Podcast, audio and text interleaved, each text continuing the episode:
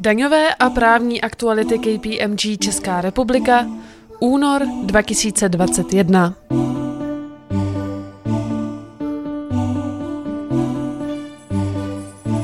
Daňové novinky.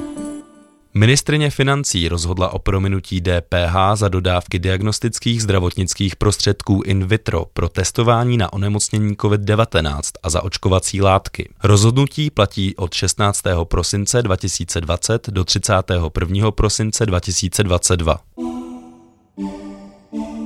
Program COVID nájemné, který částečně kompenzuje náklady spojené s platbou nájemného u vybraných provozoven maloobchodního prodeje a poskytování služeb, bude otevřen po třetí. Zároveň se prodloužila lhůta pro podání žádostí ve druhém kole, a to do 4.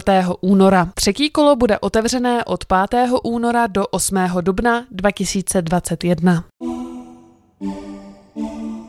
Novela DPH s plánovanou účinností od 1. července 2021 přináší řadu změn. Režim jednoho správního místa, který se nyní využívá pro velmi omezený okruh plnění, se rozšíří i na ostatní služby, například vstupenky na kulturní akce nebo veletrhy, služby související s nemovitostí nebo nájem dopravního prostředku.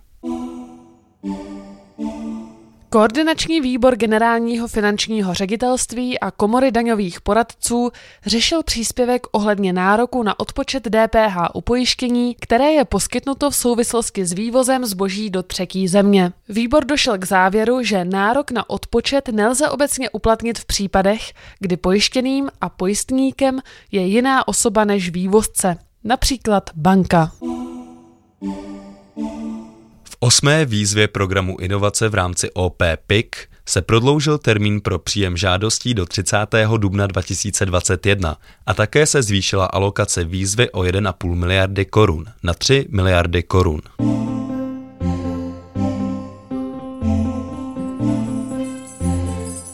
Právní novinky. Novela zákonníku práce s účinností od 1. ledna 2021 mění pravidla pro očkodňování pracovních úrazů a nemocí z povolání. Jednak zavádí pro osoby blízké jednorázovou náhradu nemajetkové újmy při zvlášť k závažnému ublížení na zdraví zaměstnance a dále výrazně navyšuje některé náhrady, které náleží pozůstalým v případě úmrtí zaměstnance. Od 1. ledna 2021 se zvýšila jak minimální mzda, tak i nejnižší úrovně zaručené mzdy. Navýšení dopadá i do programu na podporu ekonomické migrace cizinců, kvalifikovaný zaměstnanec. Minimální mzda cizince zařazeného v tomto programu se tak při 40-hodinovém úvazku pohybuje od 18 240 korun do 36 480 korun za měsíc podle skupiny prací, do které je zařazen. Harmonizace evropského práva ohledně používání digitálních nástrojů a postupů v oblasti práva obchodních společností dostává konkrétní podobu.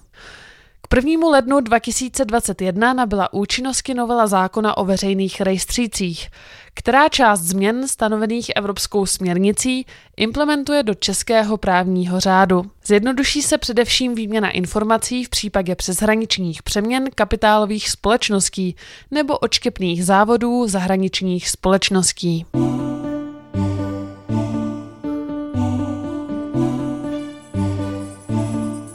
Ze světa.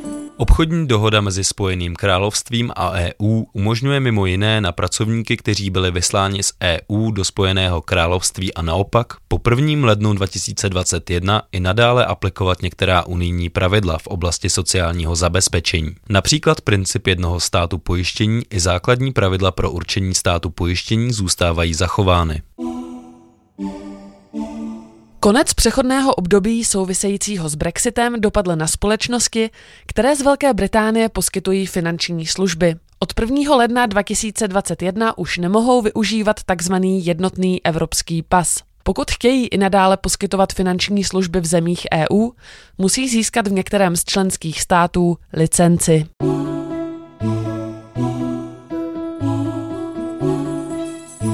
Z judikatury.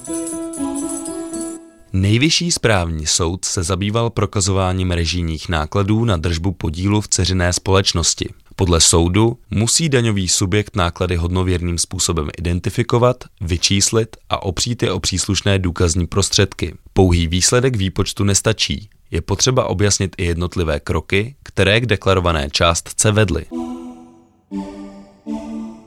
Nejvyšší správní soud řešil spor britské společnosti, která si v Česku zřídila odštěpný závod a správcem daně, který tento závod zaregistroval z moci úřední jako stálou provozovnu. Soud konstatoval, že výčet skutečností uvedený správcem daně není dostatečný a že je nutné předložit takové důkazy, které existenci stálé provozovny prokazují nadevší pochybnost. Daňové a právní aktuality KPMG Česká republika, únor 2021.